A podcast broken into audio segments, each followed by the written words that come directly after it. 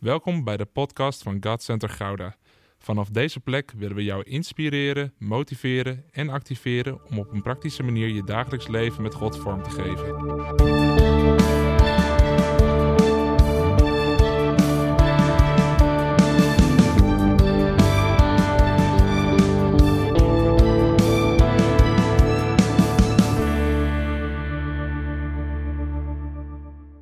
Mijn voorbereiding ging wat anders dan normaal.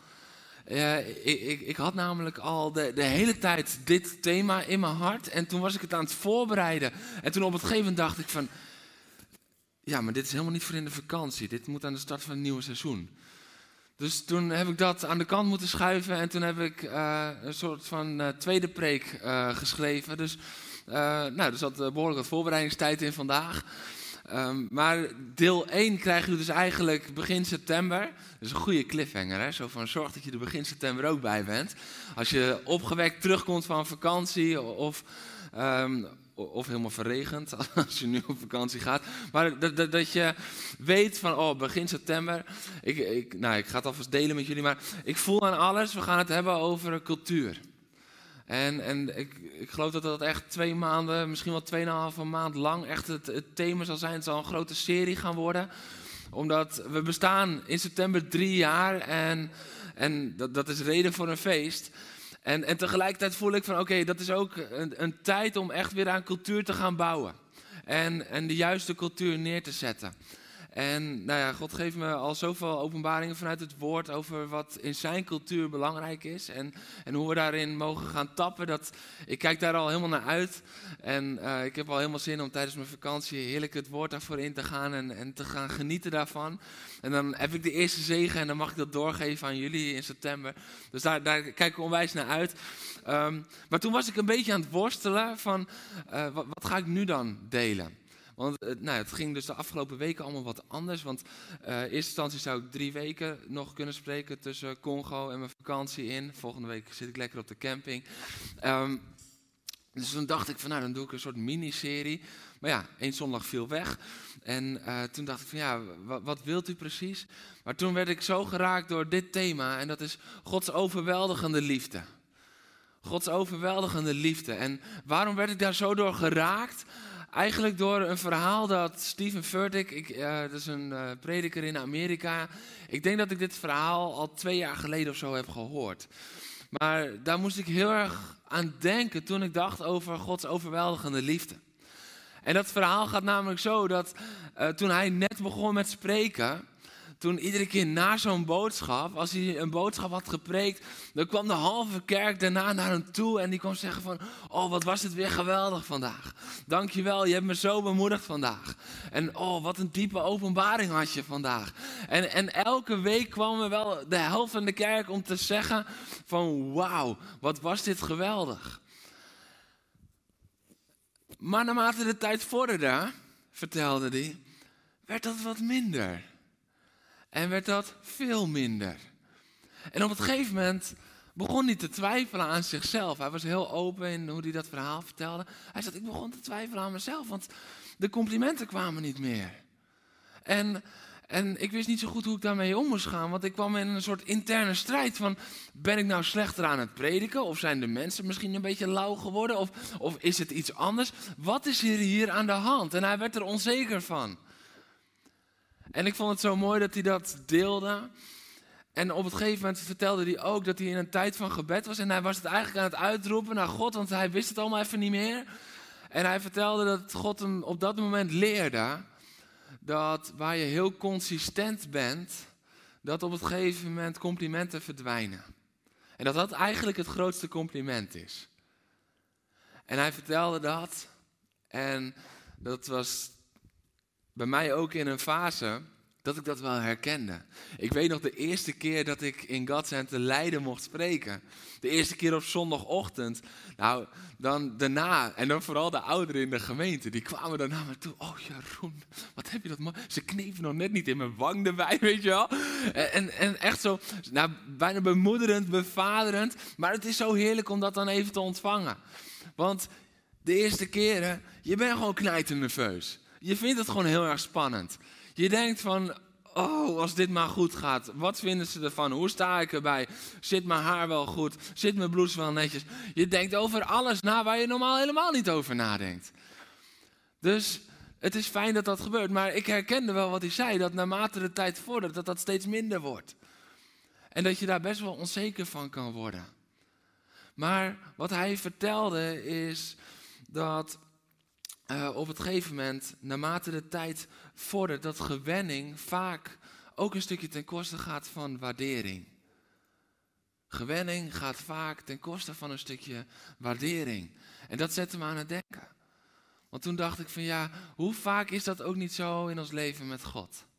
Hoe vaak is dat ook niet zo als we uiteindelijk met God wandelen. En dat eerste jaar, weet je, we hebben God net leren kennen. En, en, we springen drie meter in de lucht. En, en we gaan volledig voor Hem. En we zijn elke zondag overweldigd door Zijn liefde. En, en door Zijn kracht en door Zijn inzicht en door Zijn alles.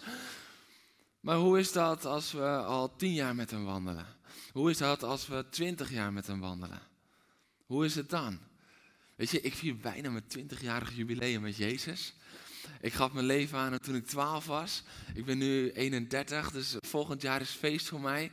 Dan wandel ik 20 jaar met Jezus. Maar ik wil mezelf iedere dag die vraag stellen. Jeroen, ben je nog net zo enthousiast over Jezus als dat je twintig jaar geleden was? Op dat moment dat je daar in die slaapkamer op die eh, kamplocatie werd aangeraakt voor het eerst door zijn liefde. En dat je in huilen uitbarstte. En dat je besloot, ik wil mijn leven geven aan u. En ik wil elke dag van mijn leven voor u leven, want u bent het zo waard. Ben ik er nog net zo enthousiast over? Ik weet niet hoe lang jij al met Jezus wandelt, maar ben jij nog net zo enthousiast als die eerste keer dat hij je aanraakte? Of neem je Gods liefde voor lief? Want daar ben ik achter gekomen dat we dat zo vaak doen. Zo vaak nemen we Gods liefde voor lief. En zo vaak is dat waar we aan wennen, wordt minder gewaardeerd. Dat waar we aan wennen, dat gaan we gewoon vinden. Zelfs Gods liefde. Weet je, ik wil vandaag gewoon open en eerlijk zijn met elkaar. Niet vroom praten, alsof we altijd onder de indruk zijn van Gods liefde. Gods liefde is zo groot dat we er altijd van onder de indruk zouden moeten zijn. Maar in ons hart is het lang niet altijd zo. Want dan zijn we druk bezig met andere dingen, andere zaken. Weet je, ik, ik, ik moest eraan denken. Eh, ik was bezig met dat waardering en, en dat als je consistent bent, dat er eigenlijk minder waardering komt als wanneer iets variabel is. En, en ik moest er wel om lachen, want terwijl ik dus verder dacht over dat voorbeeld, is um, ergens vinden we het dus heel erg fijn als mensen naar je toe komen van wauw, dit keer was je echt on fire. Maar we denken er niet zo heel erg over na wat dat zegt over die andere keren, wat mensen daarvan vinden. Want als mensen zeggen, dit keer was je echt on fire, dan zeggen ze dus eigenlijk, ja, de afgelopen drie weken was niet veel soeps, maar nu? Dus eigenlijk is consistentie is misschien wel het grootste compliment. En, en als iets heel erg trouw is, is dat het grootste compliment. Maar tegenwoordig vieren wij trouw niet zo meer. En dat, dat zijpelt door in alles. In alles in de samenleving zijpelt door dat wij trouw niet meer vieren. Weet je, het, het, is niet voor niets dat de welkomstcadeaus bij elke overstap van elke verzekeringsmaatschappij of energiemaatschappij groter zijn als een loyaliteitsbonus die je krijgt. Trouw vieren we niet. Trouw wordt niet gevierd. En, en ik, ik, ik moest hieraan denken, maar als je complimenten wil over je uiterlijk, dan kan je beter niet consistent zijn. Dat is misschien een beetje gek, maar je krijgt meer complimenten als je in een half jaar 10 kilo aankomt en daarna 10 kilo afvalt, als dat je een jaar lang op hetzelfde gewicht blijft. Want er komt niemand naar jou toe als jij al drie jaar hetzelfde erbij loopt. Nou, jij ziet er nog steeds goed uit. Dat doet niemand. Maar als jij wat bent aangekomen en daarna val je 10 kilo af, dan zegt iedereen, wat zie je er goed uit. Dus in alles zijpelt dat door. Van gewicht tot energiemaatschappij. Nou, dan hebben we wel de hele samenleving, denk ik, ongeveer gehad. Maar trouw wordt niet meer zo gevierd. En laten we nou een God van trouw dienen. Dus hoe belangrijk is het om, dit is een kleine voorzet naar cultuurverandering. Hoe belangrijk is het om cultuur te gaan veranderen en trouw opnieuw te gaan vieren? God, Gods trouw opnieuw te gaan vieren. En ik kwam erachter, waarom zijn we niet zo heel vaak meer volledig onder de indruk van die onvoorstelbare liefde van God? Is omdat hij elke dag hetzelfde is. Hij is elke dag hetzelfde. Weet je, ik verlang ernaar dat ik zo trouw ben als God in mijn huwelijk naar Peter. Dat elke dag dat ik me met dezelfde liefde inzet. Ik zeg er eerlijk bij, dat is een streven. Dat lukt me niet elke dag. Ik kan wel heel stoer nu doen, maar ja, als Peter is, dan zegt ze, nou, wat hij nou zegt. nee, dat probeer ik elke dag. Maar toch heb ik momenten dat ik betere, eh, een betere echtgenoot ben als gisteren. En, en, en, dan geniet ze daar extra van en dan kan ze daarvan onder de indruk zijn. Maar, maar daar ligt een contrast, dus dan ga je er automatisch van genieten. Maar wat als elke dag, elke dag onvoorwaardelijke liefde aan jou gegeven wordt? Wat als er geen verschil zit? Dat elke dag, weet je, dat is waarom de Bijbel zegt, dit is de dag die de Heer gemaakt heeft. Elke dag is zijn trouw hetzelfde. Elke dag is zijn liefde hetzelfde. Daar zit geen verschil in. God is niet een God die zegt van, hé, vandaag heb ik even wat minder tijd voor je. Voel ik wat minder affectie naar jou. Nee, God is een God van trouw. God, en zijn liefde is oneindig. Hij verlangt ernaar om zijn liefde in je uit te storten, elke dag. Maar we nemen zijn liefde zo vaak voor lief, omdat we, vergeef me dat ik dit zeg, maar een beetje verwend zijn in de kerk. We zijn een beetje verwend en, en ja, we kennen dat wel. We kennen dat wel. Weet je, dat is de reden dat vaak met doopdiensten, dat ik vaak hoor van mensen, ja nee, dan uh, sla ik een keertje over, want ja, ach, dat, dat, dat ken ik wel. Nou, als er diensten zijn die het bewijs zijn van Gods oneindige liefde, dan moeten we dat vieren in doopdiensten. Ook als je misschien helemaal niemand van die dopelingen kent. Dat maakt niet uit. Het is vieren van zijn liefde. En daarom is het zo belangrijk om cultuur te veranderen, dat we zijn liefde weer gaan vieren, want het is zo'n overweldigende liefde. Weet je, als ik terugdenk aan dat moment, ik, ik, weet alles nog exact tot in het detail, omdat daar greep God me in mijn nekvel. Ik was twaalf jaar, ik was mee op tienerkamp. Op kampen, daar gebeurt het. Als je nog niet hebt opgegeven voor kamp en je bent tiener, je bent jeugd, zorg dat je erbij bent. Het was op tienerkamp en ik heb geen idee meer waar het praatje over was gegaan. Ik heb geen idee meer waar het gesprek daarna over ging. Ik weet nog wel wie er bad. Ik heb geen idee wat hij bad. Het was namelijk Erwin, het was mijn tienerleider. En hij bad. En ik weet nog dat ik, ik zat onderop uh, een stapelbed, want we zaten in, een slaapzaaltje, zaten we na te praten. We hadden niet zoveel uh, napraatruimte. En in één keer voelde ik zo de liefde van God in één keer. Ik was twaalf jaar. Ik, ik zeg eerlijk, ik was er niet echt mee opgegroeid. Ik, ik, ik wist van het bestaan van God. Ik was in de kerk opgegroeid. Maar dat dat persoonlijk voor mij was, dat was mij nooit verteld. Dat was mij nooit verteld. Zowel niet in de kerk als, als thuis op dat moment. Dat, dat, dat was nog een stap verder. En op opeens, bam. En ik begin te huilen. En ik begin te huilen. En ik voelde op dat moment, dit is de liefde van de Heer Jezus. Dit is de liefde waarover ik zo vaak lees in de Bijbel en wat zo ver af dan bleef. Maar nu wordt het persoonlijk voor mij. En ik weet nog dat Erwin zei amen. En de rest van mijn groepje, die zei nachtspel. En ik zat daar, nachtspel? Hoe bedoel je? Dus zij renden naar de, naar de zaal om het nachtspel uitleg te gaan horen. En ik rende naar mijn slaapkamer. Er was een andere slaapkamer en ik lag boven in het stapelbed. En ik weet dat ik met mijn gezicht in mijn kussen mijn leven aan Jezus gaf. Dat ik zei, Heer, ik wil voor u leven de rest van mijn leven. Ik ben zo geraakt door uw liefde. Als dit uw liefde voor mij is, dan verdient u al mijn liefde voor u. En tot op de dag van vandaag weet ik dit zo goed en is het altijd mijn anker geweest. Dat moment dat ik mijn leven mocht geven aan Jezus. Niet omdat ik iets zo fantastisch deed, maar omdat Hij me naar zich toe trok. Maar we nemen het zo vaak voor lief naarmate de tijd vordert. naarmate het langer geleden is. Naarmate we misschien wel meer met God hebben meegemaakt. Misschien wel meer met de kerk hebben meegemaakt. En alles lijkt een beetje onder te sneeuwen. Of we nemen het voor lief, zoals, zoals misschien wel de preken van Stephen Furtick, zoals hij dat in zijn voorbeeld noemde. En wat hij daarna zei, dat vond ik zo treffend. Hij zegt, ik ben er nu al overheen. Ik heb nu geen complimenten meer nodig, omdat ik weet, God gebruikt mij. En ergens is voor mij nu het ontbreken van die complimenten een bewijs van mijn consistentie. Dat ik elke week, dat ik op een bepaald niveau lever. Hij zegt, het enige probleem wat kan optreden, is in de harten van de mensen. Dat ze niet meer dankbaar zijn voor wat ze ontvangen.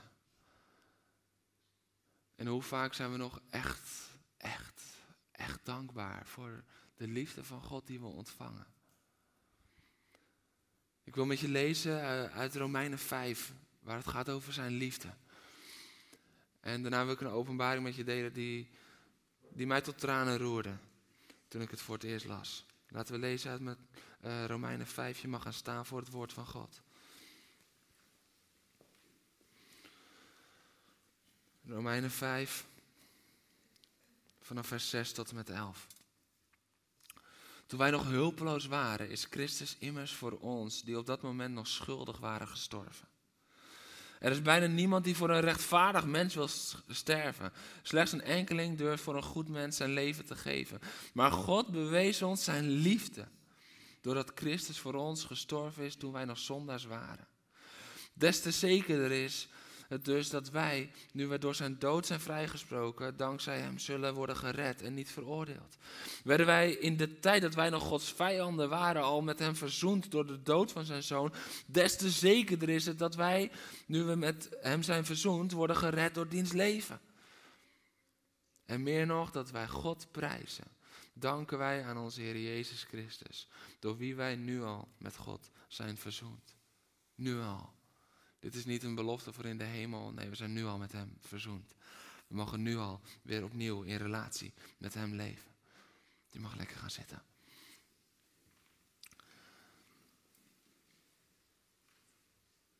Waar ik door werd getriggerd, als het gaat over Gods liefde en hoe groot Gods liefde is, is, is dat er staat dat Hij bewees ons zijn liefde doordat Christus voor ons gestorven is toen wij nog zondaars waren.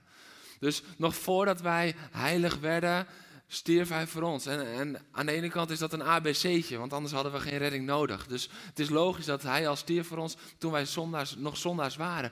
Maar toen ik iets verder in gebed ging en daarover aan, het praten was met God, toen in één keer kwam Genesis 3 kwam in mijn gedachten. En in Genesis 3 zien we de zondeval, maar bovenal zien we gelijk al het reddingsplan.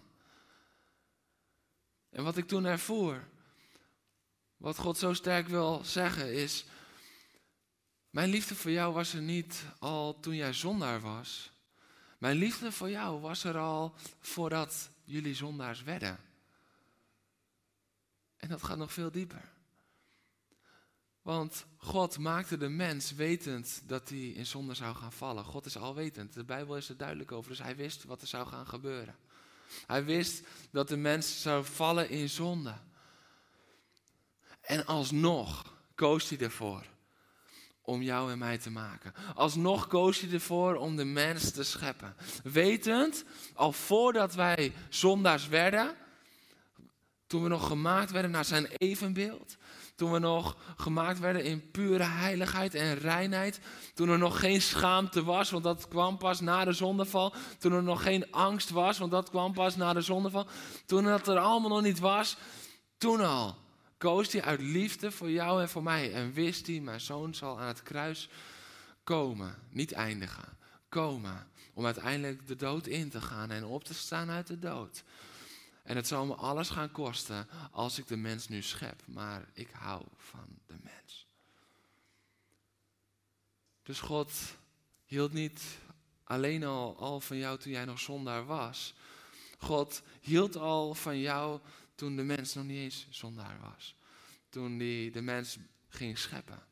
En toen wist hij al dat wij daar duizenden jaren later, dat wij daaruit voort zouden komen, dat wij hier nu bijeen zouden zijn, dat wij er zouden bestaan, want hij had dat al in zijn plan uitgedacht.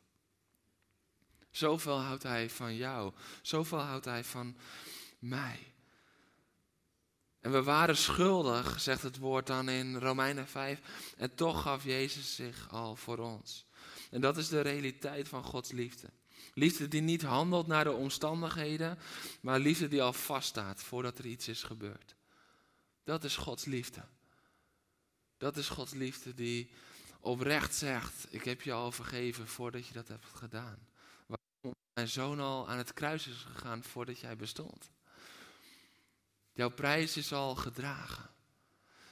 En zo vaak zijn we dan daarvan onder de indruk op het moment als het gaat om bekering. En, en wauw, iemand is gered. Maar die waarheid, die belofte, dat woord houdt ook stand als we met God wandelen. Want ik weet niet hoe het met jou zit. Maar ik heb na mijn twaalfde nog redelijk wat foutjes gemaakt. En ik weet dat jij dat ook hebt gedaan nadat je hart aan Jezus hebt gegeven.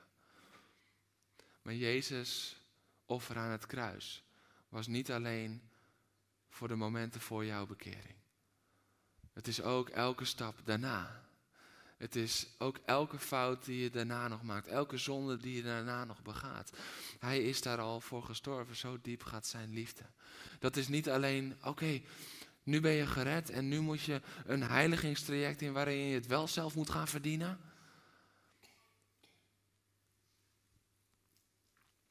Weet je dat mensen die langer met Jezus op pad zijn vaak meer moeite hebben met genade en liefde ontvangen als mensen die Jezus net, net van Jezus horen en hem leren kennen?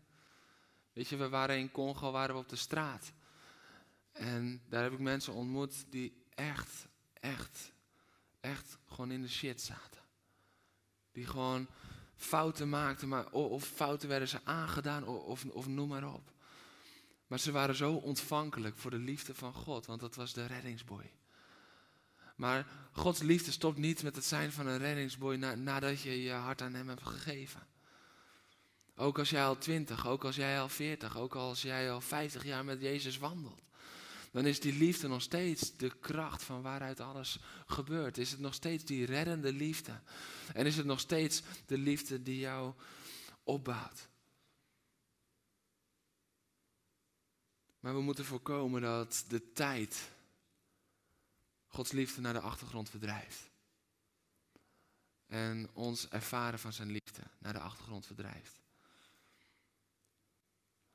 Weet je, ik ik, ik, had het net op de fiets, ik kwam hierheen en ik had het er even met Boas over.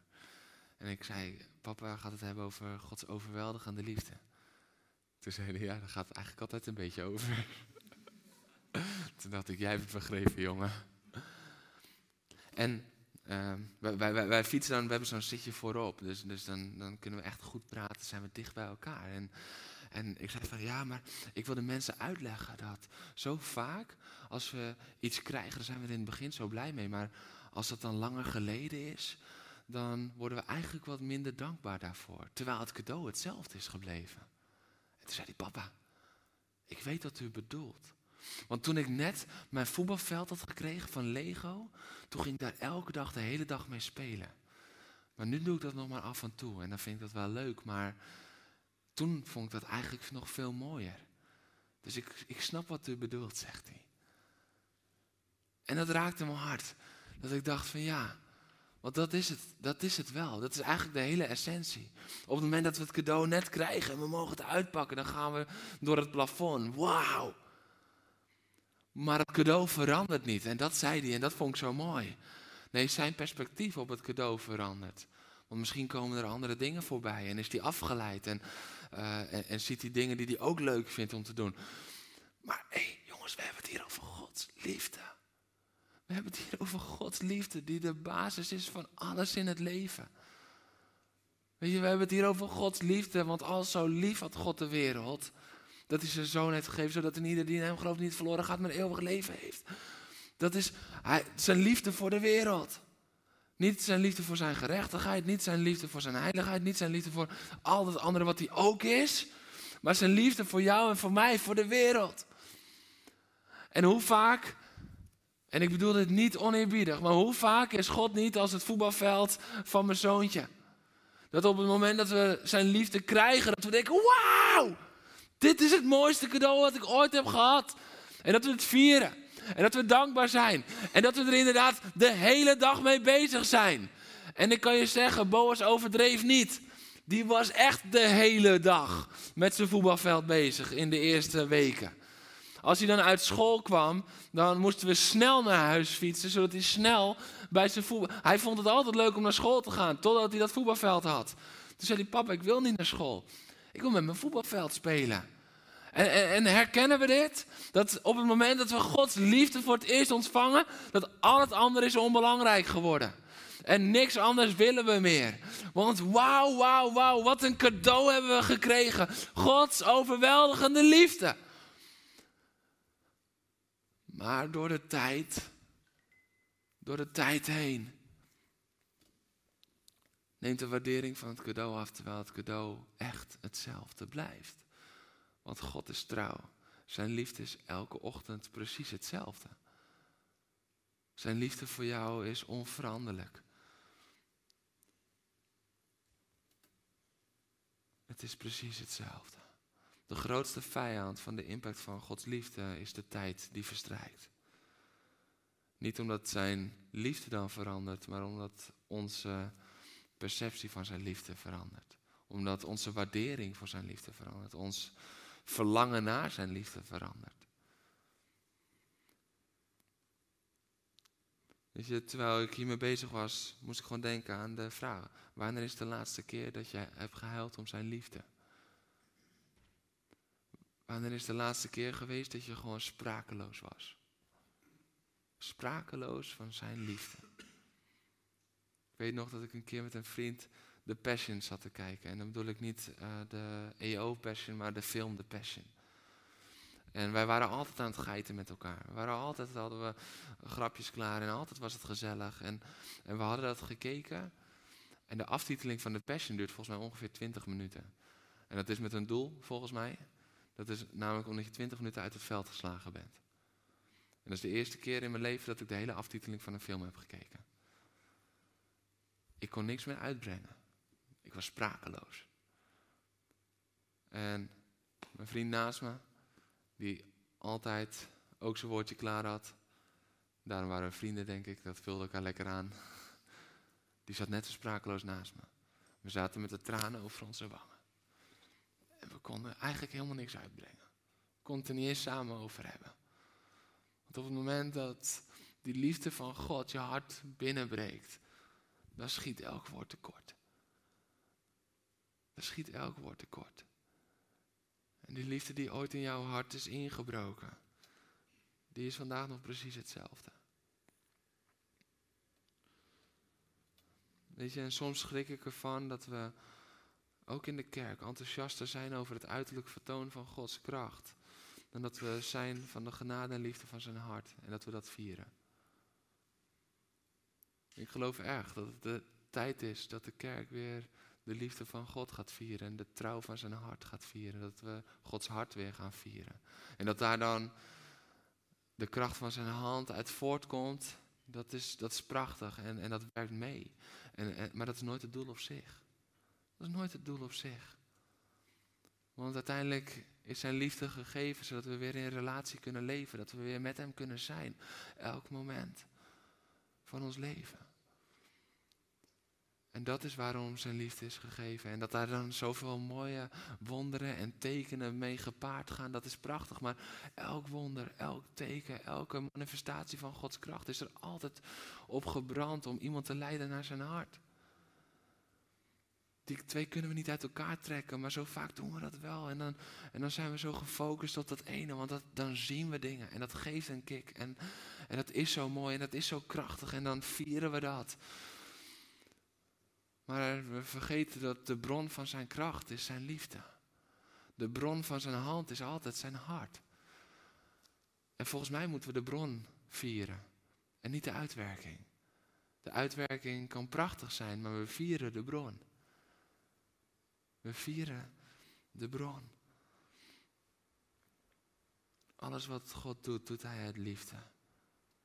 Weet je, en alles wat Jezus deed, deed hij omdat hij het de Vader had zien doen. En we zien ook dat in het leven van Jezus dat hij alles deed uit liefde. Dit is het hart van het evangelie.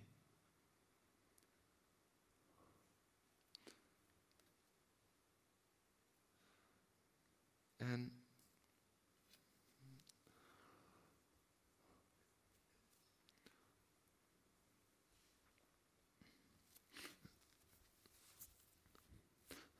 Soms zeggen mensen van ja, maar je moet niet te veel terugkijken. Je moet niet te veel terugkijken. En soms wordt er dan zelfs gezegd van ja, je moet niet te veel terugkijken naar, naar het kruis, want je moet vanuit het kruis leven. En misschien is dat tegen jou ook wel eens gezegd. Ja, we moeten niet te veel terugkijken, want we moeten vanuit het kruis leven. En het kruis is gegeven om door te gaan, om door te leven. En, en daar moeten we niet te veel naar terugkijken. Maar dat staat zo in contrast met Jezus die zegt tijdens het laatste avondmaal, doe dit steeds weer om aan mij te denken. En waar ik achter kwam is dat we hebben het nodig om dagelijks terug te denken aan het kruis. We hebben dagelijks nodig om terug te denken aan het kruis. En, en dan heb ik het niet over ons leven voor het kruis, maar Jezus daad aan het kruis. En ik denk dat daar de crux zit. Dat zoveel mensen verkeerd denken van ja, nee maar als je dan terug, want dan krijg je schuldgevoel en schuldgevoel is niet van God. Nee, maar we mogen terugkijken naar het kruis. En dat heeft dan niks te maken met dat je weer teruggaat in schuldgevoel en teruggaat in een minderwaardigheidscomplex uh, en, en teruggaat in noem maar op. Nee, maar dat is teruggaan naar de bron. En Jezus draagt het ons op. Doe dit elke keer weer om aan mij te denken. Dus Jezus beseft mijn liefde, wat helemaal zichtbaar wordt daar aan het kruis. Wat, wat volledig open wordt, letterlijk met zijn armen gespreid open wordt aan het kruis. Die liefde. Mijn liefde, die wordt daar zichtbaar. En dat is elke keer weer opnieuw jouw bron van kracht. Jouw bron van leven. Dat is jouw bron. En daarom is het zo belangrijk om wel elke dag terug te kijken naar het kruis. Niet achter het kruis, niet naar je oude leven, maar naar het kruis waar hij een nieuwe bron heeft gegeven. En wat ik dan zo mooi vind is, dan, dan kan je zeggen, ja, maar dan, dan ben je elke dag in mineur. Want dan moet je elke dag denken aan een lijdensweg. En dan moet je elke dag denken aan. Maar dat is helemaal niet hoe Jezus terugkijkt naar het kruis, weet je dat? Jezus ging aan het kruis en hij dacht aan de vreugde die voor hem lag. Hij, dacht, hij, hij was, ik geloof, Jezus was volledig vervuld met vreugde, omdat hij wist wat het teweeg zou gaan brengen. Hij dacht aan de vreugde die voor hem lag. Wat is die vreugde? Die vreugde is gewoon heel simpel. Dat de vader weer geconnect werd met zijn kinderen. Die vreugde was gewoon heel simpel. Dat dat voorhangsel scheurde van boven naar beneden. Dat het heilige der heiligen verleden tijd was. En dat God toegankelijk werd die vreugde was dat we nu zonder schroom en zonder schaamte, zonder terughoudendheid tot de troon van God kunnen komen. Die vreugde was dat we gered zouden worden door zijn naam. Die vreugde was dat jij weer in relatie zou leven met jouw Vader in de hemel. En dat Jezus dat aan de rechterhand van de Vader staat te vieren. Dat is de vreugde die voor hem lag. En, en dat is waar we ook, ook als we straks het avondmaal gaan vieren, dan, dan mogen we terugdenken aan wat hij deed. Aan zijn overweldigende liefde. Maar dan hoeven we niet altijd in mineur te eindigen, denkend aan zijn lijden. Maar dan mogen we ook met hem, terwijl hij dat ook deed, de vreugde die voor hem lag met elkaar beleven. Want wauw, zijn liefde heeft ons gered.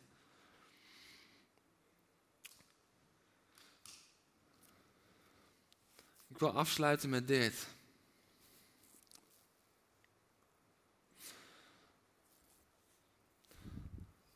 En dat is, ik was gisteravond was ik een tijd in gebed. En ik was een beetje aan het worstelen met God, want ik zei van, oh, oh, die, die, die, die liefde die, die zo vrij kan maken. Die zo alles kan veranderen. Die, die liefde. Waarom is er dan nog zoveel ook in de kerk? Waarom is er nog zoveel burn-out? Waarom, waarom is er zoveel depressie? Waarom is er zoveel laag zelfbeeld? Want ik, ik was er een beetje aan mee aan het worstelen en ik, ik schreef wat dingen op. Van, want we roepen zo vaak uh, dat, dat dat dan is omdat mensen niet zien hoe ze zijn gemaakt. Of we roepen dan zo vaak dat ze niet weten wat het woord over ze zegt. Of we roepen zo vaak dat ze zichzelf open uh, door Gods ogen moeten leren zien. Maar hoe vaak is het zo dat dat echt de reden is? Want ik ken genoeg mensen die laag over zichzelf denken, terwijl ze allebei wel teksten uit hun hoofd kennen. Je bent wonderlijk gemaakt. Je bent kostbaar in mijn ogen. Niemand is zoals je. Alle waarheid van God is echt wel in hun hoofd geplant, maar het zakt niet naar hun hart. Ze kunnen het bijna niet geloven, maar ze weten het wel. Dus zo vaak roepen we van, ja, ze kennen het woord niet. Of ze kennen Gods waarheid over hun leven niet. Ja, ze kennen het wel, maar er mist nog iets. Er mist iets anders, iets essentieels. En terwijl ik aan het bidden was, en voel ik dat God dit zei, ik heb het gewoon zo opgeschreven zoals, zoals ik het van hem hoorde. Mensen laten te vaak mijn liefde niet meer het werk doen in hun leven. Mensen laten te vaak mijn liefde niet meer het werk doen in hun leven. En ik was gisteren best wel geraakt erdoor, zeg ik je eerlijk. Want ik voel aan alles, dit is nou een vinger op een zere plek. We komen nu tot een kern. Want we kunnen weer met z'n allen gaan roepen van ja, maar als je Gods liefde niet ervaart, dan moet je zijn woord lezen, want dat is het volle van de waarheid en over de liefde van God. En als je dat dan leest, dan zal je beseffen. Maar wat nou als dat niet de kern is? Dat de kern niet is kennis opdoen over, maar dat de kern is, kan je de bron van liefde nog aanboren in je leven. Wat nou als de kern dus niet gaat over jezelf leren zien door Gods ogen, want dan zit er dus zelf nog iets van leren in, maar dat de kern is je vastgrijpen aan zijn liefde. En hoe goed zijn we nog in het aanboren van die bron? Hoe goed kunnen we nog echt zijn liefde het werk laten doen?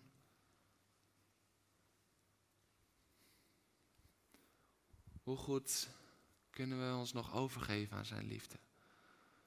De tijd nemen voor zijn liefde. Echt de tijd nemen. Weet je, dat gaat niet in een twee minuten gebed net voordat je naar je werk gaat. En verwachten dat je dan overdonderd bent van zijn liefde en, en die aanraking ervaart.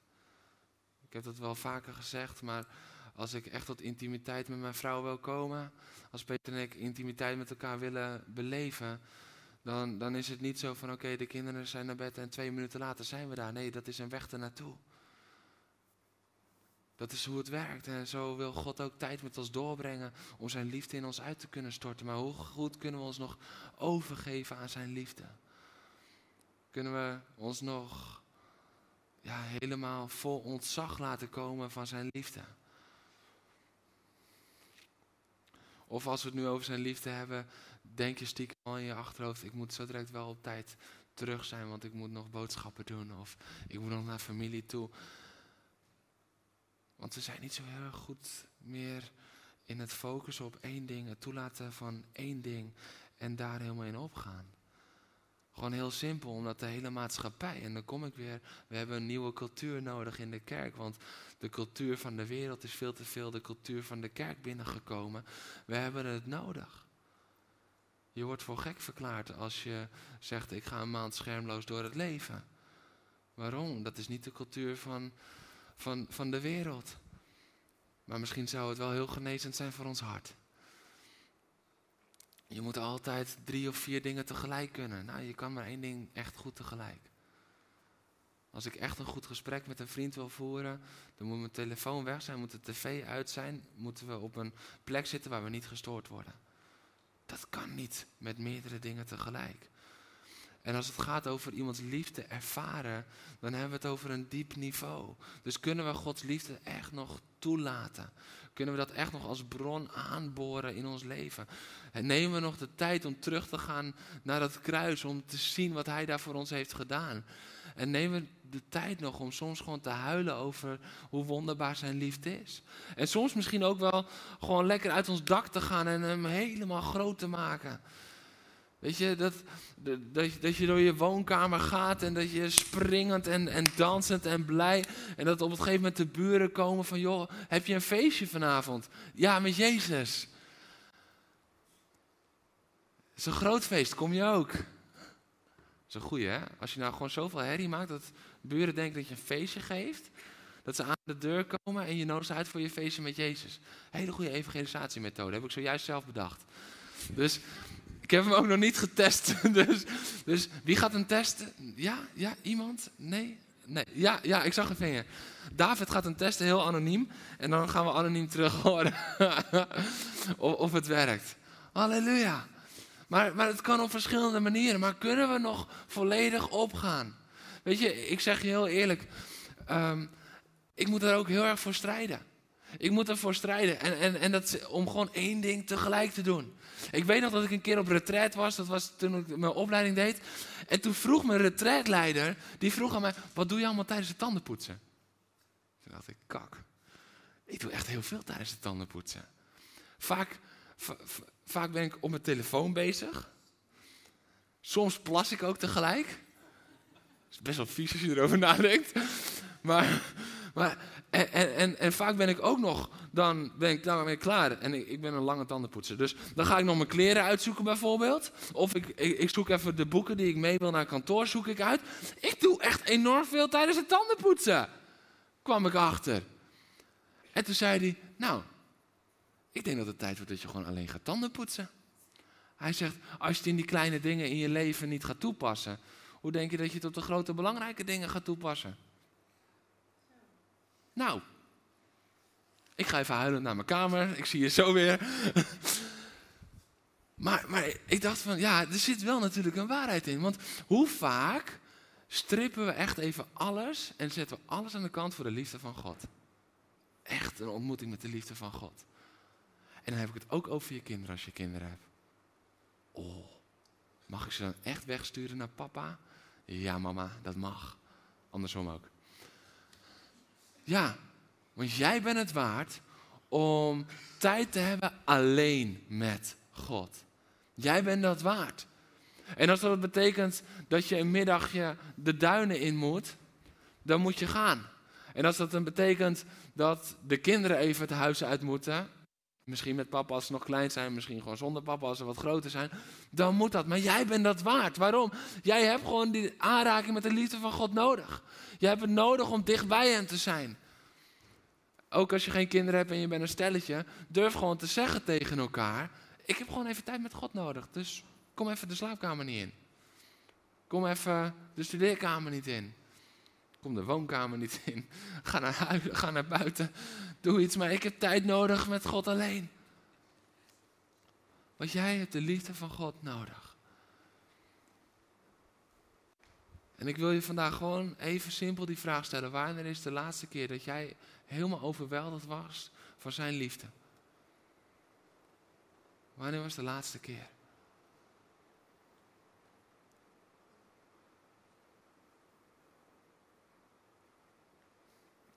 En als we zo direct het avondmaal gaan vieren, ik wil vragen of de versie van vast naar voren komt.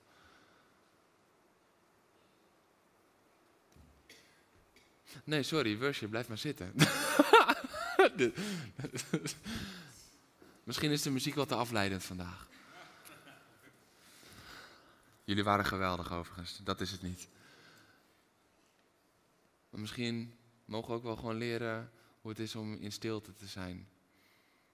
Want misschien is muziek soms ook wel een vlucht. Stilte is goed. Als we zo direct het avondmaal in stilte gaan vieren, dan wil ik je echt vragen.